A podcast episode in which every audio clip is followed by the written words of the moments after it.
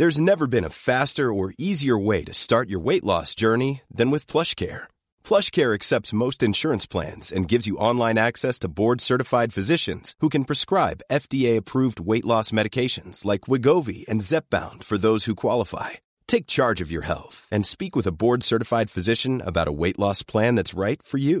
Get started today at plushcare.com slash weight loss. That's plushcare.com slash weight loss. plushcare.com slash weight loss. Halo pendengar ganteng-ganteng Manchester United Podcast, kembali lagi bersama kita berdua, ada Sawang dan Alfi di sini. Nah, biasanya kalau misalkan kita openingnya sudah cukup bersemangat seperti ini, ya tandanya teman-teman sudah tahu lah ya, hasil yang diraih tentu tiga poin. Tapi ini sebenarnya bukan hal yang uh, bikin gua kaget, Vin, gitu. Karena hmm kita kalau lawan tim-tim kecil emang biasa menang kan. kan gue bilang kemarin kan, MU ngeliat Chelsea ini tim apa? Berarti dengan MU menang, kayaknya MU ngeliat Chelsea ini tim kecil gitu. Jadinya menang. Benar. Benar dan fun fact terakhir kali uh, Chelsea menang melawan United di Old Trafford itu Juan Mata masih main dan cetak gol kemenangan di sana, men. Oh. Jadi ya perjalanannya memang sangat panjang ya untuk untuk Chelsea meraih tiga poin atas United gitu. Dan terakhir kali United uh, uh, United kalah gitu uh, oleh Chelsea di Stamford Bridge juga Ronaldo juga masih di Real Madrid gitu kan. Hazard masih main di sana. Jadi memang kita sangat mendominasi sih uh, pertandingan uh, antara United lawan Chelsea ini gitu ya. Dan ya, ya. uh, gue sendiri pribadi ingin uh, meminta maaf gitu ya karena di episode sebelumnya ketika kita review gue sempat mention bahwa lebih baik McTominay tidak main gitu ya karena sangat-sangat buruk gitu ya sangat-sangat jelek gitu ya di pertandingan sebelumnya. Tapi ternyata uh, dia membungkam uh, saya dan mungkin banyak teman-teman lain di sini dan mencetak dua gol yang menurut gue sangat luar biasa gitu. Menurut Lovin gimana? Ya, um, menurut gue kalau tentang Scott McTominay sendiri ya, dia memang apa ya pemain yang memiliki skill khusus kasarnya gitu ya. Dia harus digunakan dalam pertandingan khusus punya skill set yang khusus juga dan posisinya juga apa ya, spesifik bisa dibilang gitu. Jadi memang um, untuk pertandingan liga gitu itu pemain seperti McTominay ini penting. Tapi emang sejujurnya dia harus gue akui dia emang limited gitu dia cuma bisa bermain dengan cara seperti tadi gitu. Nah um, tapi gue harus kasih kredit juga karena gol pertama itu um, memang gol ala Scott McTominay ya. Kayak gol-gol dia di MU selama ini, gol-gol dia di Scotland juga dia masuk ke kotak penalti gitu. Kemudian gol kedua itu juga sundulan yang kayak ya kayak striker banget kan yang mana kita di awal musim kita bilang kayak ini Scott McTominay harus dimainkan lebih ke depan seperti di Scotland dan sepertinya Ten Hag juga melihat itu dan akhirnya dia dijadikan advance eight gitu yang box to box yang benar-benar merangsek masuk ke, ke, ke kotak penalti gitu dan ya dia top scorer kita main di liga 5 gol gitu loh. Top scorer kita adalah pemain yang dulunya jadi adalah dipasang menjadi DM bareng Fred gitu loh. Ini kan ya. berarti kayak ada misposition sebenarnya gitu. Jadi sebenarnya memang gue kredit untuk Scott McTominay di pertandingan ini sih. Dan kalau misalkan di bursa transfer kemarin kita jual McTominay ke West Ham 30 juta pounds gitu, kayaknya kita bakal lebih sering ngobrol sama fans Luton dan fans Sheffield sih kayaknya. yeah, Tapi yeah. kalau di pertandingan kemarin gue uh, benar-benar sangat uh, impress gitu ya, tidak ada tidak ada uh, hal-hal yang ingin gue kritisi secara uh, gamblang gitu. Karena di di babak pertama pun kayak itu salah satu pe, apa namanya penampilan yang sangat-sangat solid gitu ya sangat-sangat luar biasa. Gue sempat agak ragu ini apakah United yang bermain sangat bagus atau emang Chelsea-nya sampah banget. Ini kayak line-nya agak blur nih gitu kan. Iya iya iya.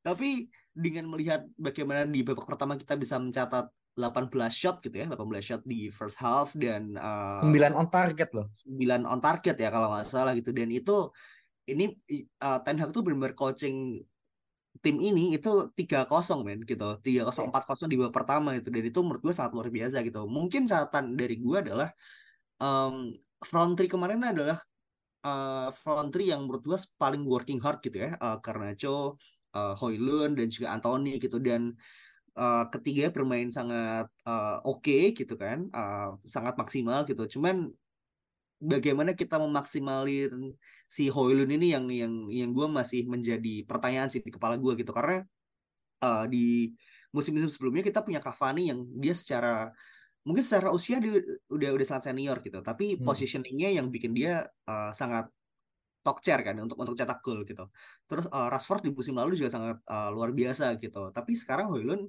dengan work rate-nya yang uh, keren gitu kan positioning yang gua rasa juga masih cukup raw gitu kira-kira gimana ya kita bisa memaksimalkan dia ya Vin ya? Memaksimalkan Rasmus Højlund. iya betul Ya, menurut gua ini masalah waktu aja sih gitu. Karena kalau misalnya bicara tentang peluang ya, gua melihat sebenarnya dia bukannya berarti nggak dikasih servis sama sekali ya, tapi memang nggak banyak gitu loh. Dan kayak kemarin lawan Chelsea sebenarnya dia ada satu atau dua peluang kan, yang mana dia tendangannya masih belum bisa masuk gitu. Tapi ya itu bukan peluang yang matang banget gitu. Tendangan di awal dia itu kan posisinya sulit.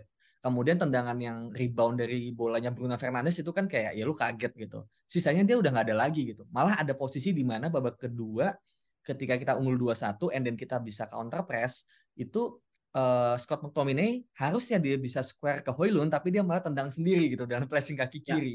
Ya, ya kan? Itu kan ya. keputusan yang salah sebetulnya. Kalau misal Scott McTominay lebih tenang lagi, dia kasih ke Hoylund, Hoylund bisa gol itu menurut gua gitu. Jadi kayak menurut gua uh, sebenarnya Hoylund nggak ada masalah ini tinggal menunggu waktu malah dengan hadirnya Hoylund dia juga bisa menjadi decoy gitu. Kayak ya. di gol kedua kan Hoylund sama Scott McTominay sama-sama lompat kan tapi yang hmm. dapat ya Scott McTominay gitu. Jadi memang narasi di mana Hoylund ini masih belum produktif itu ya menurut gua men lu ini pemain 20 tahun gitu loh langsung jadi striker utama di MU yang menggantikan siapa gue nggak tahu gitu loh karena penyerang kita terakhir yang top itu mungkin zamannya Lukaku kali ya atau zaman Zlatan gitu jadi udah lama banget ya kita mungkin orang-orang itu terbuai bukan terbuai ya tapi melihat tagnya 85 juta. Tapi kan 85 juta ini adalah kombinasi dari investasi dan juga memang uh, Atalanta yang iya Atalanta yang memang apa namanya uh, memainkan harga gitu. Karena tahu bahwa pasar penyerang ini nggak banyak pengen gitu loh lagi sulit. Jadi dia bisa kasih harga setinggi tingginya gitu. Jadi ya price tag itu kan cuma label doang. Jadi menurut gua nggak ada masalah sih I see, oke. Okay. Dan ngomongin soal Hoylund, uh, seperti tadi lu bilang dia bermain sudah cukup bagus gitu kan, uh, secara uh, work rate juga oke. Okay. Nah, ketika dia diganti oleh Marcus Rashford, nah. gue melihat United ini malah bermain dengan 10 orang. Kayaknya udah gak ketolong ya ini. Maksudnya kayak lo kan harusnya sadar ya, lo tuh udah di drop kan sebagai starter ke bench gitu kan. Lo hmm. dikasih menit bermain cuma 10 menit doang gitu kan. Yeah. Lo masih fresh hmm. lo tetap jogging di lapangan tuh menurut gue anjing sih. Iya iya gue gue udah udah udah ngetit juga tuh kayak ini resort main cuma 15 menitan dan kayak ya lu harusnya punya energi banyak dong gitu. Tapi malah kalah sama Bruno yang apa udah main dari kemarinnya gitu loh. Dan dan lawan Chelsea juga dia udah gila banget work rate-nya gitu. Jadi ya ini menurut gue emang bukan stamina emang dianya aja nggak mau gitu. Nah ini gue malah mau nanya balik ke lu. Lu kan ya. pemain eh, bukan bukan pemain ya lu adalah orang yang sangat mendukung Rashford kan. Maksudnya dari ketika mau perpanjang kontrak bahkan gue pun orang yang against sebenarnya gitu dengan perpanjang kontrak setinggi itu. Jadi kita beda pendapat pada saat itu. Nah lu melihat Rashford sekarang ini ya. gimana nih? Khusus di pertandingan tadi aja deh maksud gue gini uh, ketika gue mendukung perpanjangan kontrak adalah ketika dia sangat-sangat uh, ini ya uh, apa namanya produktif ya di lini depan gitu. Dia mencetak 33 gol musim lalu dan secara uh, apa namanya banyak teks-teks yang lain lah. Kayak misalkan ya dia uh, pemain akademi gitu kan. Terus dia juga salah satu uh, mungkin leader gitu ya di dressing room gitu. Dan gue uh, gue masih melihat bahwa ketika dia off form itu ada faktor yang lain gitu. Pada saat itu gitu ya mantan ada pacarnya. uh, ya mungkin mantan pacarnya gitu kan atau mungkin uh, maksudnya secara secara teknis adalah uh, ketika uh, apa uh, Ronaldo datang gitu kan ketika Ronaldo datang uh, dia harus uh, apa namanya berpindah ke posisi terus uh, ada turbulensi juga di uh, manajerial gitu kan ketika Mourinho juga lebih favor uh, siapa namanya pemain lainnya seperti Lukaku, seperti Martial, uh, Martial gitu kan. Jadi yeah. seperti Sanchez. Jadi gue gue gue pada saat itu melihat bahwa oh memang secara uh, uh, stabilitas dia tidak bisa diberikan apa ya uh, jaminan gitu. Cuman uh, yang bikin gue uh, kecewa adalah di musim ketika dia bagus gitu ya musim kemarin dia udah udah cetak 33 gol dan berapa assist gitu kan. Salah satu yang tertinggi di uh, lima top Eropa gitu. Musim ini dia benar-benar hilang gitu. Kayak oke okay lah lo lo nggak bisa cetak gol kayak Hoyland nggak apa-apa gitu. Tapi tunjukin lo ini dong uh, lo benar working hard untuk tim gitu loh. Iya secara yeah. secara body language lo nggak ada gitu kan. Secara uh, apa desire dan secara uh, apa namanya mentalitas tuh gue nggak gue nggak melihat bahwa ini pemain itu adalah pemain yang ingin benar-benar membantu tim gitu loh hmm. Jadi selama musim ini berjalan gitu kan, dua pertandingan United yang menurut gue sangat bagus adalah pertandingan Crystal Palace uh, di Carabao Cup, juga pertandingan kemarin gitu kan lawan Chelsea gitu. Dan dua pertandingan ini kan pertandingan yang tanpa Rashford kan gitu. Hmm, hmm, hmm. Dan ini ini ini benar-benar say a lot ketika Ten Hag ingin mengimplementasikan uh, permainan yang ingin dia punya, dia tuh di apa ya?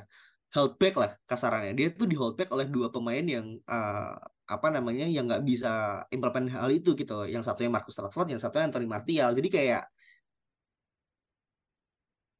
jawabannya ya tentu ada di Rashford jadi dia mau seperti apa gitu apakah di musim ini dia mau uh, berusaha dan uh, finish higher gitu kan kayak kasarannya lo benar-benar mau uh, menurunin ego lo dan bermain di mana aja tanpa komplain dan lo kasih segalanya gitu kan 150% bahkan untuk tim atau kayak ya lo menunggu manajer dipecat gitu. Dan gue nggak yakin manajernya akan dipecat dalam waktu dekat sih gitu. Jadi it's either you go atau ya lo kasih uh, apa namanya fight yang yang seharusnya gitu. Jadi kalau misalnya lo bilang kayak misalkan di musim ini atau musim depan gitu ya uh, Mbappe pindah ke, ke Real Madrid gitu dan PSG akhirnya ingin meminang dia dengan sejumlah nominal gitu gue sih cenderung saat ini ya gue akan lepas sih Marcus Rashford. Gitu. Oke. Karena okay. anytime soon gitu ya di beberapa minggu depan gue juga tidak melihat karena Garnacho akan digeser nih gitu. Iya yeah, yeah. yeah, kan? Yeah, Terus yeah. Gue mau ber, gue mau bilang Anthony mungkin bisa digantikan tapi Anthony di, di beberapa minggu terakhir mainnya bagus banget kan gitu. Hmm. Itu main simple dia bermain uh, seperti tim gitu kan. Dia bahkan nggak nggak kasih trik-trik yang nggak penting gitu loh. Bahkan yeah. kemarin ketika dia kolongin Thiago Silva yang menurut gue sangat, sangat bagus gitu.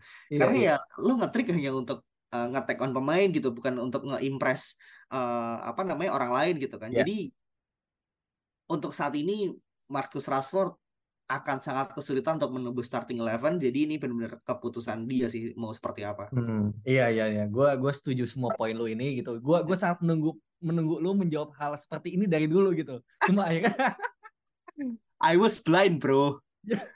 Blinded by love, bro. Iya iya iya nggak apa-apa nggak apa-apa. At least masih ada waktu buat berubah. Nah, um, gue setuju banget tadi masalah resort gitu kan. Dan yang gue sayangkan adalah lebih ke tadi itu bukan tadi ya. Um, kayak kita tuh sebenarnya udah bagus nih ya. Trionya ada Hoylun, Anthony dan juga Garnacho dan gue nggak yakin tiga ini tuh bisa main 90 menit terus kan selama in the long run gitu dan kita tuh butuh pelapis gitu dan sayangnya pelapis kita ini bermasalah semua kan yang maksudnya kalau tri, uh, trio tiga tadi itu memang trio pirang itu ya itu memang bermain menjadi starter terus nah tiga tiga cadangannya ini kan yaitu Rashford, Martial dan Sancho ini kan punya masalah yang berbeda-beda kan gitu. Jadi memang inilah yang gue sayangkan gitu. Kayak ketika kita lagi bagus tapi kita punya apa ya punya ancaman badai cedera yang mana kalaupun nanti harus ada digantikan ya penggantinya adalah pemain yang bikin sistem kita tuh jelek gitu. Dan ujungnya nanti pelatih lagi yang disalahin gitu loh. Itu satu hal yang gue tuh sangat sayangkan dan gue tuh tadi pingin banget lihat Rashford itu bermain gila gitu. Karena ya lu 15 menit tuh tunjukin kayak apa yang dibicarakan di media itu salah gitu. Tapi ternyata oke okay lah dia ada pressingnya tapi dia jogging. Menurut gue masih jogging. Dia bisa lari loh gitu menurut gue gitu.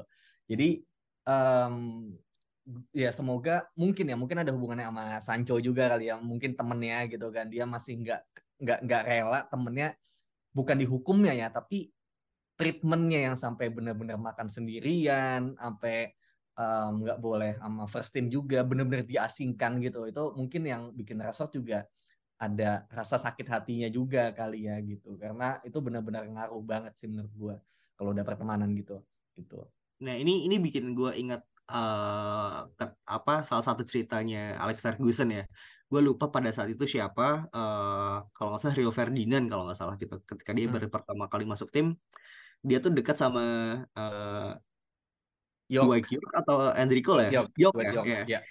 terus dia tiba-tiba dipanggil sama Ferguson terus Ferguson bilang gini uh, lo better nggak usah deket-deket deh sama York kenapa gue mau jual tuh pemain karena dia dia terlalu cepat puas gitu kan katanya. Iya, kan? dia terlalu cepat puas gitu dan dan hal itu yang akan mem, mem, apa ya merusak uh, inilah apa mentalitas dan juga ini ya rasa lapar gitu ya di di tim gitu dan itu menurut gue salah satu hal kenapa Ferguson tuh benar-benar pelatih yang menurut gue gila sih gitu dan ada satu hal yang juga yang ditiru oleh Ten Hag ya uh, beberapa waktu uh, belakangan ini gitu kan yaitu bagaimana Ten Hag ini pertama kali gitu ya uh, di manajer manajer sebelumnya dia ngeban jurnalis men hmm. Dan ini uh, sering terjadi di masanya Alex Ferguson kan gitu. Yeah, dan yeah. gue melihat kayak banyak uh, beberapa netizen itu kayak wah ngapain sih sampai sebegitunya gitu kan. Hmm. kayak uh, yaudah lo fokus aja di lapangan lah gitu. Namanya media juga ya seperti itu gitu. Tapi yang ingin ditekankan oleh Tenak adalah uh, kayak lo jangan sebar hoax lah gitu kan. Terus kayak uh, ketika media bilang oh, ada krisis di United, dressing roomnya udah gonjang ganjing gitu. Tapi Ten Hag akhirnya bilang kayak, ya lo lihat sendiri kan seperti apa gitu. Mereka bermain sebagai tim, uh, mereka bermain untuk uh, apa namanya, mereka percaya pada uh, game plan yang udah uh, kita berikan ya, lo bisa lihat sendiri hasilnya seperti apa gitu. Hmm. Dan menurut gue ini uh, stamp authority yang sangat luar biasa sih oleh Ten Hag gitu dan gue jujur uh, sangat impress gitu kan. Dan apabila misalkan nih di match ke depan kita kan masih ada Bournemouth ya masih ada iya. Bournemouth yeah. masih ada Munchen dan ada uh, Liverpool. Kalau misalkan kita tidak bisa meraih hasil maksimal gitu gue berharap nggak akan ada ini sih uh, eh, noise noise yang meminta Erik Ten Hag cabut sih. Karena di pertandingan kemarin gitu kan lawan Chelsea itu gue tahu dia ingin bermain seperti apa gitu. Dan menurut gue um, ketika kita memecat pelatih tersebut harga yang harus dibayar itu akan sangat mahal sih. Benar benar benar benar. Memang memang apa ya? Uh, ini lingkungan apa ya? Sosial media terutama ini memang harus dibersihkan dulu gitu kan karena menimbulkan distraksi gitu kepada fokus pelatih dan para pemain juga gitu yang mana pemain itu kan katanya kemarin pada marah kan ini siapa nih dua pemain yang apa namanya membocorkan dan berita tentang dua pemain membocorkan ini juga nggak tahu bener apa enggak gitu loh ya kan jadi kayak ini ya. ini tuh kita nggak tahu berita mana yang benar berita yang salah gitu jadi memang udah benar apa yang dilakukan kemarin dan mungkin udah harusnya dilakukan dari zaman zaman dulu gitu kan gitu dan uh, mungkin tadi karena lo mention Hey, I'm Ryan Reynolds. At Mint Mobile, we like to do the opposite of what Big Wireless does. They charge you a lot we charge you a little. So naturally, when they announced they'd be raising their prices due to inflation, we decided to deflate our prices due to not hating you. That's right. We're cutting the price of Mint Unlimited from $30 a month to just $15 a month. Give it a try at mintmobile.com slash switch. $45 up front for three months plus taxes and fees. Promo for new customers for limited time. Unlimited more than 40 gigabytes per month. Slows. Full terms at mintmobile.com. I'm Sandra, and I'm just the professional your small business was looking for. But you didn't hire me because you didn't use LinkedIn jobs. LinkedIn has professionals you can't find anywhere else, including those who aren't actively looking for a new job but might be open to the perfect role, like me. In a given month, over 70% of LinkedIn users don't visit other leading job sites. So if you're not looking on LinkedIn, you'll miss out on great candidates like Sandra. Start hiring professionals like a professional. Post your free job on linkedin.com/people today. Pertandingan-pertandingan ya, gue kalau balik lagi ke pertandingan gitu, gue merasa emang lawan Chelsea tadi tuh benar-benar apa ya, uh, eh, gue nggak nyangka gitu, gue nggak nyangka kita tuh bisa setidaknya ya work rate-nya tuh bagus dan gue tuh masih bingung gitu kayak apa ya yang bikin tiba-tiba work rate kita tuh bagus gitu kayak lawan Newcastle kita lemes, lemes semua, tapi lawan Chelsea kita bagus semua gitu. Jadi ini kan performa satu tim gitu. Meskipun ada satu dua pemain yang um, agak males ya, bukan agak tapi memang males, tapi kayak sama gue bingung. Bahkan tadi itu kalau gue baca dari analis-analis ya di Twitter itu tadi itu pressing terbaik kita. Sistem yeah. pressing terbaik kita. Kenapa? Karena ketika penyerang kita pressing, belakang-belakang sampai back itu ikut maju semua gitu loh. Jadi mem, apa ya merapatkan uh, jarak antar pemain gitu. Nah, yang selama ini bikin kita kebobolan atau sering kosong di tengah kan adalah yang pressing ada lima pemain depan, tapi lima pemain belakangnya stay di belakang, jadinya tengah kosong kan, gitu. Nah, tapi kemarin enggak, kemarin tuh lima depan maju, lima belakang maju juga, jadi benar-benar antar lima sama lima ini rapat banget, jadi gampang buat kita hajar balik. Contoh paling gampang kan fullback kita ikut pressing karena di Kandalot sama Shaw ikut pressing, Regilon juga ikut pressing gitu dan itu sangat jarang terjadi gitu dan itu gue bingung. Nah, cuma tadi ada jawaban sih dari Scott McTominay dan dari dari apa namanya dari Eten Hag juga gitu. Apa yang beda dari match ini? Katanya adalah pendekatannya gitu, yaitu kita sebelum match ini kita light training gitu. Nah, ini gue jadi bingung gitu kayak hmm. apa iya selama ini tuh kita main jelek karena udah kecapean duluan gitu. Kayak gue nggak menyalah gue gue uh, sebel ya sama para pemain yang katanya nggak mau lari gitu di latihan uh, dan merasa training terlalu berat. Tapi gue juga jadi concerning ke nih ke ke para staff kepelatihan gitu. Sama Ten Hag juga.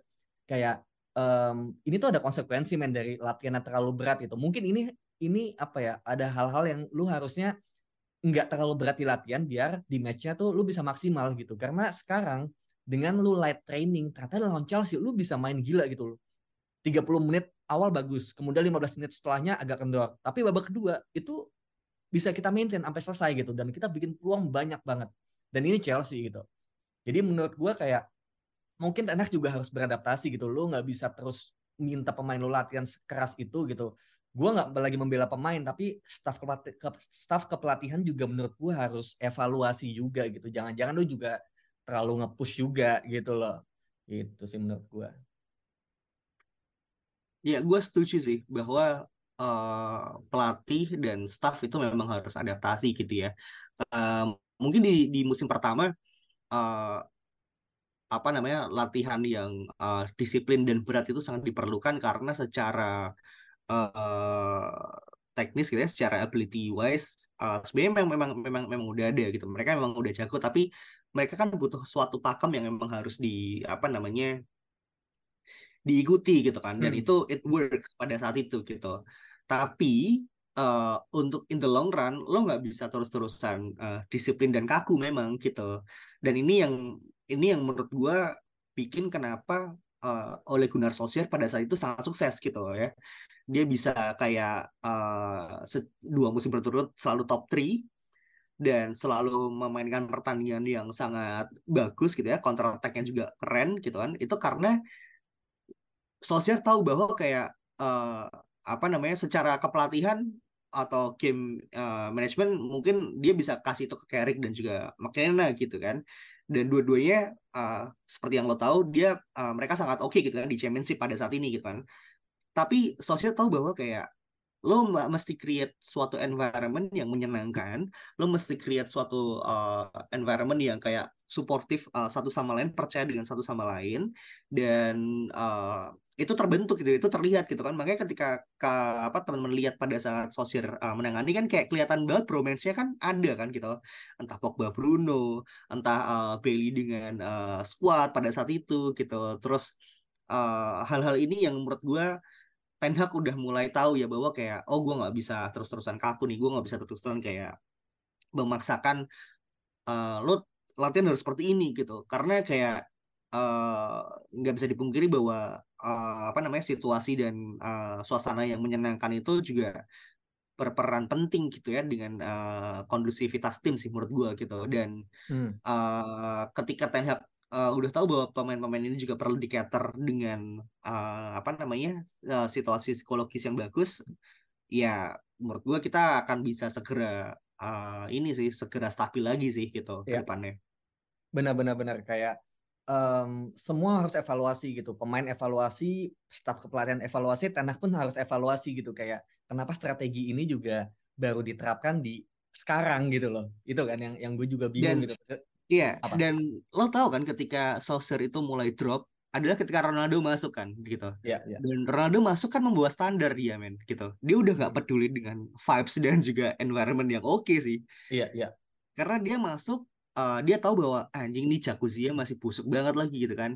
ini kayak uh, apa namanya kok kayak bercanda-canda semua gini ya kayak celelean semua gini ya gitu ini tim bisa Hmm. sukses nggak sih gitu kan gitu Mm-mm. dan itu yang eh gue nggak bilang itu salah ya itu itu itu namanya winning mentality yang memang setiap orang beda-beda gitu. Tapi Mm-mm. eh yang ingin dijaga oleh si, si siapa namanya Solskjaer adalah kayak pada saat itu ya kita happy aja dulu gitu loh. Kayak kita kita bikin good vibes dulu kita bikin eh, tim ini kayak mau bekerja sama dengan satu sama lain percaya satu sama lain gitu kan tanpa harus menjatuhkan satu sama lain dulu gitu. Karena di sebelumnya di eh, ketika era Mourinho dan Van Gaal kan kayak fraksi antara pelatih dan juga pemain ini kan sangat kenceng ya sangat tinggi Iya. ya gitu itu, itu Mhm. yang itu yang mau dijaga oleh Ten Hag sih eh eh, Solskjaer pada saat itu gitu jadi Iya. eh, Ten Hag mungkin sekarang udah tahu bahwa kayak eh, mungkin dikasih tahu sama backroom staff United yang dulu kali ya kayak Iya. lo mending jangan gitulah bos gitu kan Eh, lo bikin sesuatu agak menyenangkan gitu lah makanya ketika gue baca ada like session yang eh, yang apa McTominay juga cukup endorse itu ya menurut gue itu hal yang approach yang sangat tepat sih menurut gue Hmm, benar benar benar. Dan by the way, eh, Amrabat main bagus banget ya tadi ya gitu. Kayak pertama kalinya meskipun kita lawan eh, F bukan Everton ya kemarin lawan Kopen eh, sorry Galatasaray juga Amrabat bagus. Tapi tadi benar-benar menurut gua penampilan kayak ini Amrabat yang asli yang kita lihat di Maroko dan Fiorentina ini akhirnya muncul gitu. Dan mungkin dia awal-awal ngira ini Serie A kali ya gitu. Beda gitu. Ternyata ini Liga Inggris main beda banget sama sama Italia gitu. Jadi gue merasa bahwa eh, di luar tadi semua gitu satu pemain yang harus kita kasih kredit juga adalah ya Sofyan Amrabat. Dan sayangnya Amrabat ini nantinya juga harus out di Piala Afrika gitu dari Januari sampai Februari gitu. Jadi kita menurut gue juga harus memaksimalkan tenaga Amrabat yang ada selagi dia ada di sini gitu. Betul, betul, betul. Dan kayaknya dia juga udah cukup pede ya bahwa kayak dia udah adaptasi, dia udah oke gitu kan, dia udah tahu mesti bermain seperti apa. Dan kalau misalnya dia bisa uh, meneruskan momentumnya, gue rasa kita juga tidak tidak akan terlalu uh, kehilangan Casemiro kali ya.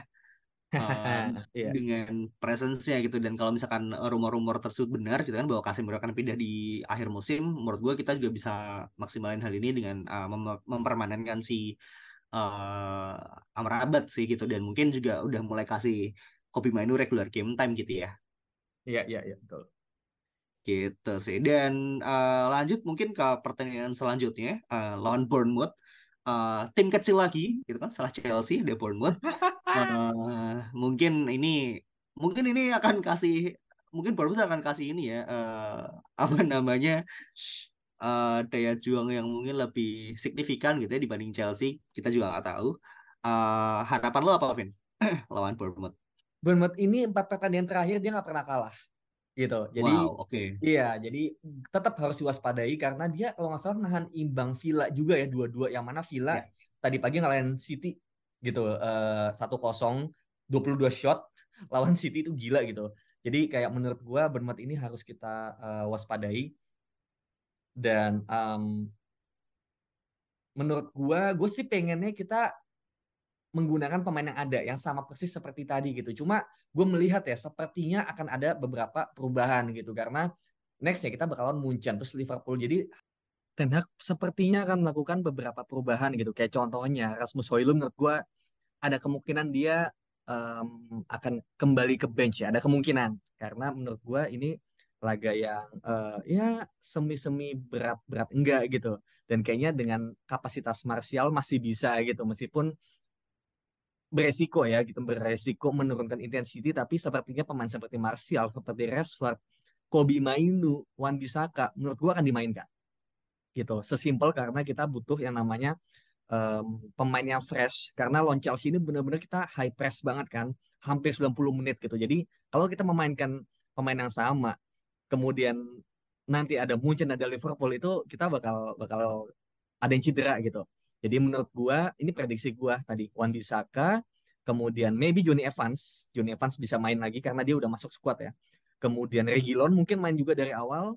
Eh Kobe Mainu sama Amrabat maybe bisa switch, Martial dan Rashford gitu. Meskipun gua nggak suka dengan prediksi gua sendiri ya, tapi melihat realita sepertinya itu yang akan dimainkan. Itu menurut gua.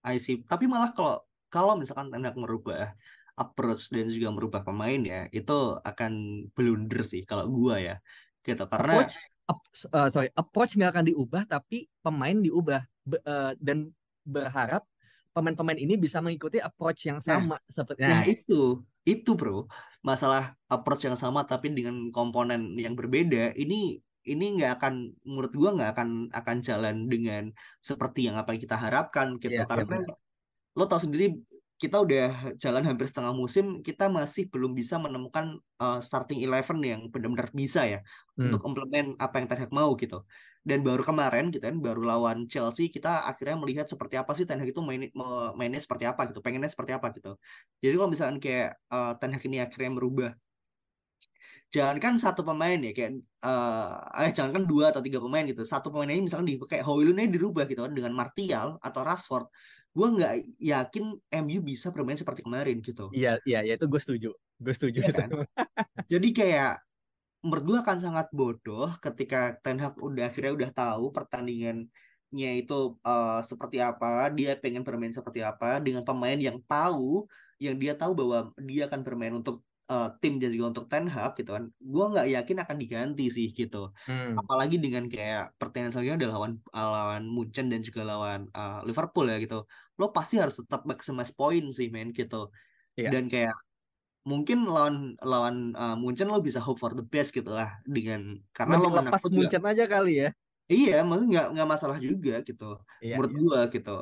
Dan lawan Liverpool lo baru kayak ya udah lo hope for the best aja gitu. Mungkin kita nah. kasih U17 aja gimana?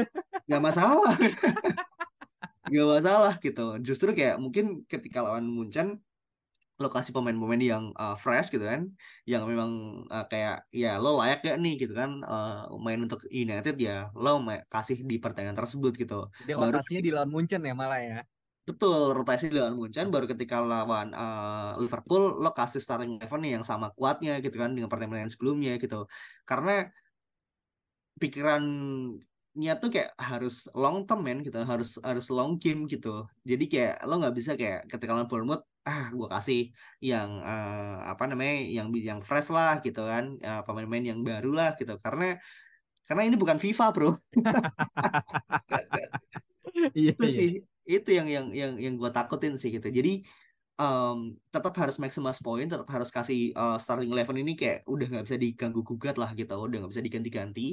Uh, kecuali memang ketika uh, mungkin ada cedera gitu ya uh, di di in between atau mungkin di pertandingan tersebut ada cedera ya lo lihat apakah pemain penggantinya memang capable dan bisa gitu kan untuk untuk menggantikan pemain ini di starting eleven gitu. Kalau misalnya nggak bisa ya nggak ada alasan untuk merubah starting eleven sih menurut gue Hmm, oke okay, oke. Okay. Ya gue sebenarnya secara idealisnya gue gue setuju sama lu gitu.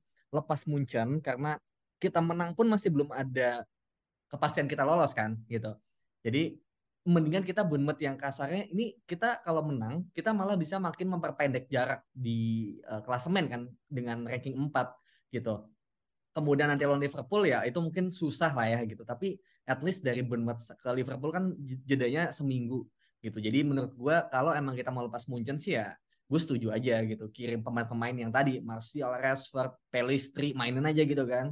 Gelandangnya mungkin siapa gitu. Oke lah Amrabat Scott gitu. Kemudian pemain-pemain cadangan yang main semua gitu. Gue sih setuju-setuju aja gitu. Cuma melihat apa yang Ten Hag lakukan dia akan approach game by game dan juga at least mungkin melihat satu game ke depan ya gitu. Gue merasa kayak gue nggak nggak melihat bahwa Rashford akan dicadangin lebih dari dua pertandingan sih gitu. Kayak somehow treatment ke Rashford ini agak berbeda. Tapi gue berharap memang apa yang lu bilang tadi itu memang dilakukan. Pertahankan apa yang ada. Pertahankan winning timnya gitu. Cuma melihat ya namanya apa namanya um, squad yang tipis ya. Ya mau nggak mau gitu kayak maybe musim ini kita struggle gitu. Kayak yang tadi lu bilang gitu. Kalau kita ganti satu pemain aja itu bakal jelek um, permainannya gitu. Mungkin iya, tapi itu menunjukkan kepada pemilik dan juga kepada fans nih, gue udah pasang pemain ini emang nggak bisa. Jadi penilaiannya di situ dan berharap di next transfer window Januari or di summer kita udah tahu mana aja yang di offload gitu. Tapi tetap aja perlahan gitu. Jadi memang uh, kita nggak bisa maksain musim ini tuh kita pakai pemain itu itu terus gitu karena main cedera pasti gitu loh. gue yakin cedera itu kalau kayak gitu gitu. Jadi um, idealisnya seperti yang lu bilang tapi uh, musim ini sih menurut gue pasti kita bakal pakai pemain seperti Rashford Martial yang kita nggak mau mainin sih gitu. Ya ya ya betul betul dan uh, tentu pokoknya kita berharap pertandingannya akan eh, nggak jauh beda gitu ya, eh, Iya. sama seperti pertandingan lawan Chelsea kemarin. Old Trafford juga Eh, lagi.